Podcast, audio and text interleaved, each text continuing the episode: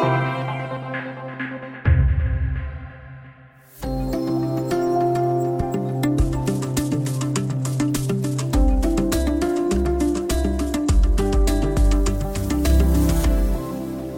Demokraterna vill att president Trump fälls i en andra riksrättsprocess. Även om Republikanerna har en annan inställning till Trump nu än vad de hade förra gången han ställdes inför rätta så är det tveksamt om han fälls. Av Trumps ordinarie tid i Vita huset återstår inte ens en vecka. Hur ska de dagarna användas? Välkommen till Studio DN. Jag heter Sanna Thorén Björling.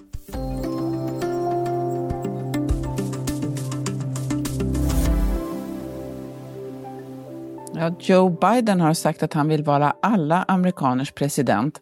Men inför installationen förbereder sig USA nu för stora våldsamheter. Idag säger vi välkommen till DNs Björn af Kleen. Tackar. Du, förra veckans händelser då hundratals, tusentals Trump-supportrar bröt sig in i Kapitolium. Vad ska man kalla det som hände då? Jag tänker på det som kulmen av en form av statskupp där ju Trump ifrågasatte valresultatet och eh, innan de stormade så uppmanade han ju dem att göra just det under ett möte utanför Vita huset eh, där han bad dem försvara landet och visa styrka. Och eh, de som tidigare ifrågasatt det här statskuppsbegreppet har ju ofta pekat på att han inte har tagit aktivt militären i bruk för att försöka köra över folkviljan. Men ju mer som berättas om vad som hände i Kapitolium, desto mer tycker jag det finns indicier om att de här människorna verkligen hade ett slags våldskapital och att det finns poliser och militärer som ställde upp. Kanske inte uniformerade i sina vanliga uniformer, men trots allt eh, eh var, var ju många av dem beväpnade. Eh, så jag har också hört ordet eh, inhemsk terrorism användas. Eh, definitivt var det ett uppror som, som var farligt för de inblandade.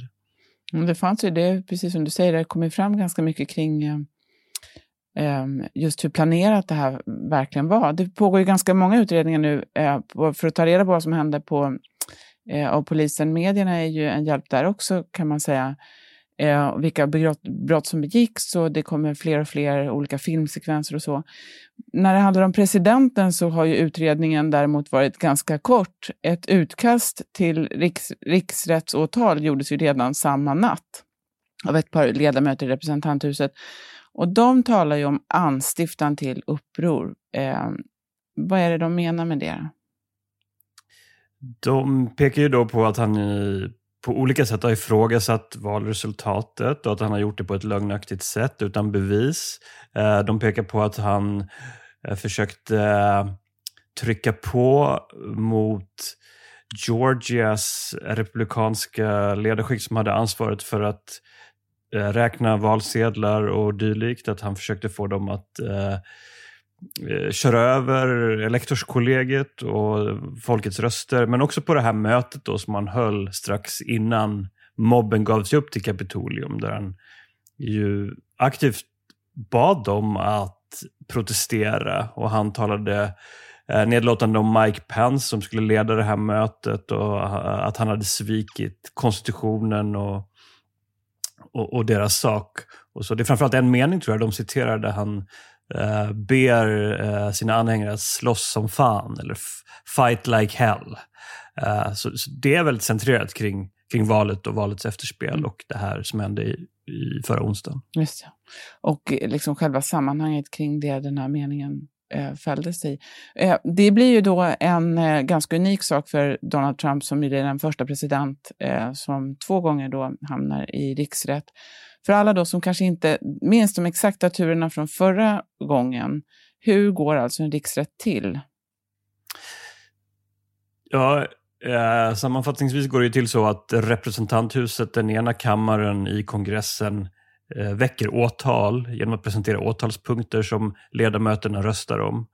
Eh, om tillräckligt många röstar för så blir presidenten impeached, vilket Trump blev förra gången, och då flyttar riksrättegången över till den andra kammaren, senaten, som då tar beslut om huruvida Trump i det här fallet också ska förflyttas från sitt ämbete. Och i det här fallet så äh, tänker man sig också att man ska rösta om huruvida han ska ha möjlighet att kandidera som president på nytt i ett framtida val. Uh, för det är det man framförallt undviker. Han kommer ju sannolikt då uh, att redan ha avgått när riksrättegången, om det blir en sådan, flyttar till senaten. Uh, och därmed gäller det snarare så att säga, hans politiska efterliv och framtida valrörelser. Just det. det var ju egentligen inte förstahandsvalet där för Demokraterna. De hade ju föredragit att Mike Pence, vicepresidenten, hade hjälpt dem att ta bort Trump genom att åberopa 25 tillägget. Det, så har det inte blivit. Pence tycker att nu ska vi gå vidare här och Trump kommer ändå försvinna. Eh, då blir det istället en process, process i senaten som inleds först den 19 januari. Det är dagen före installationen. Vad tror du, vad kan vi vänta oss av den? Av installationen? Av eh, processen i senaten. Um, ja, då kommer ju sannolikt Demokraterna ha majoritet, men det krävs ju fortfarande två tredjedelars majoritet och det har ju inte Demokraterna i, i senaten för tillfället. Utan det krävs ju då att några republikaner, eh, ganska många, skulle rösta mot Trump eller rösta för att han fälls och förflyttas i en riksrättsprocess. Um, men det som gör det spännande, mycket, mycket mer spännande egentligen än förra gången, är Mitch McConnells uttalande eh, häromdagen. Han är då senatens ledare, eh, republikanska ledare, och han sa att han välkomnar en riksrätts eh, en riksrättegång. Vilket jag måste tolka som att han åtminstone inte tänker rösta emot Trump, utan att, att han kan tänka sig att rösta för att Trump avsätts. Eh, och, och, och, och då skulle Demokraterna i en enkel majoritet kunna förbjuda Trump från att kandidera någonsin igen. Och det skulle ju vara eh, historiskt då. Och det skulle också riskera, tror jag, att splittra det republikanska partiet. För det finns fortfarande en falang som, som stödjer Trump ju, eh, trots ehm, det som hände i kongressen. Precis, och samtidigt står hela USA på spänn inför installationen då de här sista dagarna. Om det ska vi prata alldeles strax.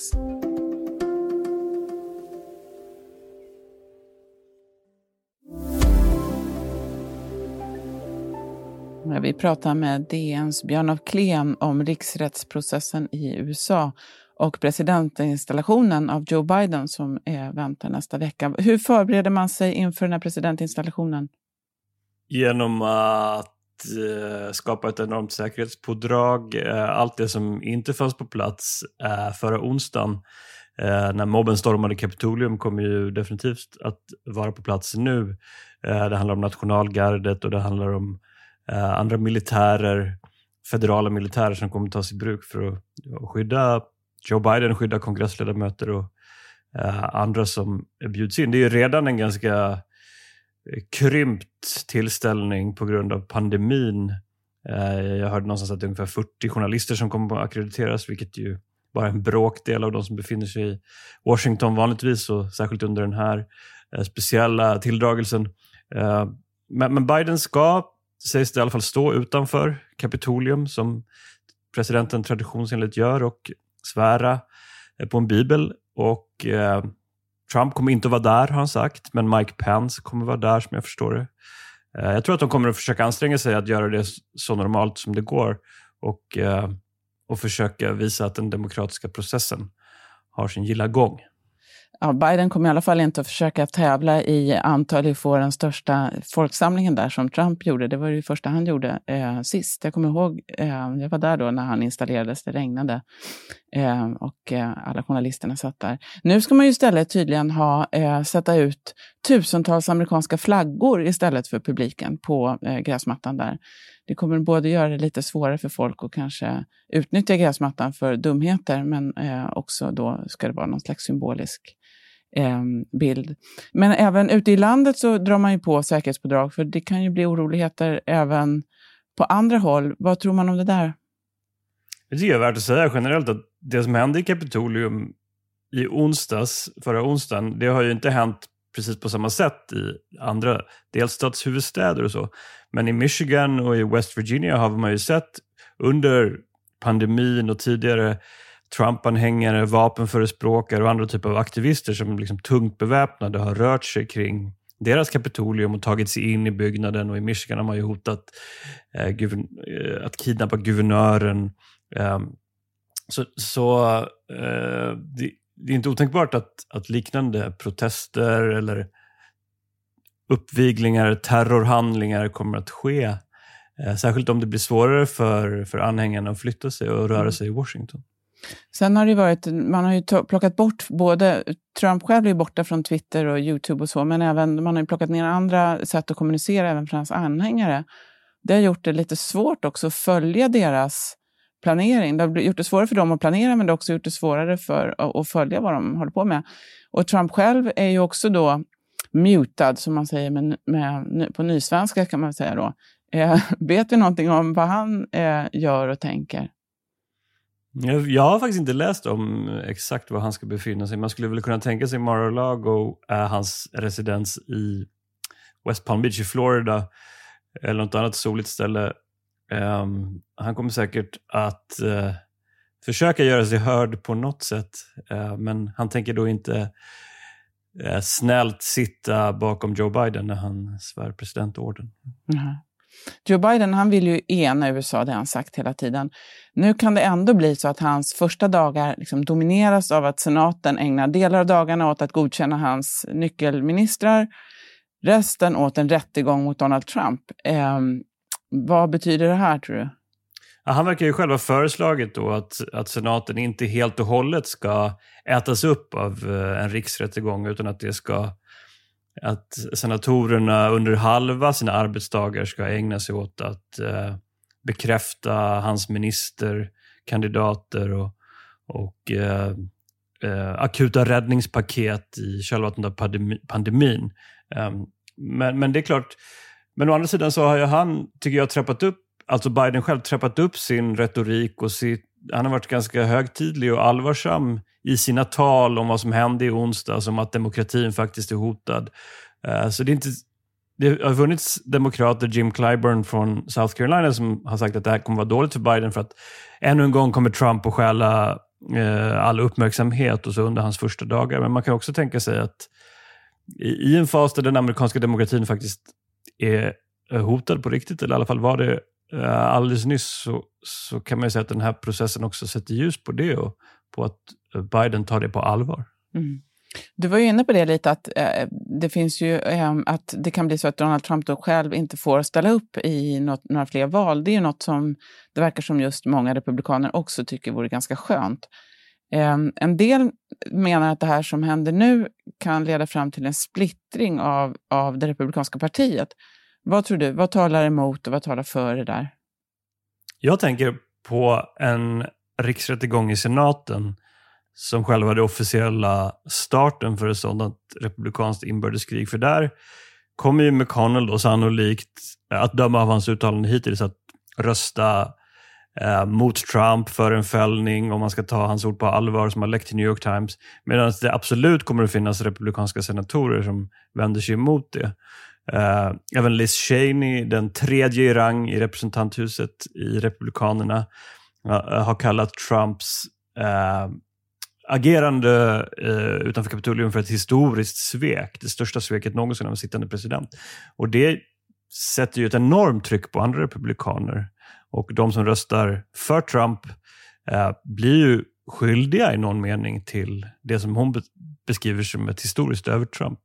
Eh, så jag tänker att det här kommer verkligen att skaka partiet och framförallt då om Trump inte kan kandidera som president på nytt så har ju den här falangen som investerat så mycket i hans auktoritära högerpopulism ingen given ledare för tillfället. Mm. Det är verkligen en turbulent tid eh, i USA. Också för många, tänker jag, många journalister. Det kommer lite grann en, en inside, en liten branschfråga här nu också. Jag tänker, medierna är verkligen både angripna här, de är polariserade själva och samtidigt så deltar de ju väldigt eh, aktivt i just granskningen av hur allt det här gick till. Eh, och det är en väldigt unik situation för många, framför allt amerikanska journalister som bevakar någonting som, som man aldrig har sett, som man aldrig har upplevt förut. Att det är också enormt svårt att eh, rapportera kring och bevaka på ett, på, ehm, eh, ja, på ett bra sätt. Eh, har du, vad har du tänkt på eller reagerat på i bevakningen under den senaste veckan? Har du fastnat för någonting särskilt? Jag har en vän och kollega från Danmark som befann sig i egenskap av journalist precis utanför Kapitolium när de stormade ehm, och, och, jag hör nästan på henne att hon är lite traumatiserad av upplevelsen också av att det hela tiden kommer mer, upplevel, mer uppgifter om att det var så mycket värre än vad det först verkade. Människor var, var tungt beväpnade, det var nära att de lyckades ta sig in i kammaren eh, när senatorerna fortfarande var där. Eh, flera verkar, du vet, man klottrat, eh, att de vill mörda journalister och, och så. så där. Jag tänker att eh, det också var en kulmen på Trumps fyra år långa angrepp på journalistiken eh, som verkligen detonerade i Kapitolium och eh, det, jag tror att det, en del av efterspelet av händelsen kommer vara viktigt att belysa också det och hur, vilka, vilka enorma risker han utsatte eh, journalister för genom att eh, hetsa sina gräsrötter mot oss. Mm. Verkligen. Stort tack Björn. Tack. Imorgon kan ni höra DNs medicinreporter Amina Mansour tala om vaccin. Lyssna gärna då. Studio DN görs för Podplay av producent Sabina Marmelakai, exekutiv producent Augustin Erba, ljudtekniker Patrik Miesenberger och teknik Jonas Lindskog, Bauer Media. Jag heter Sanna Thorén Björling.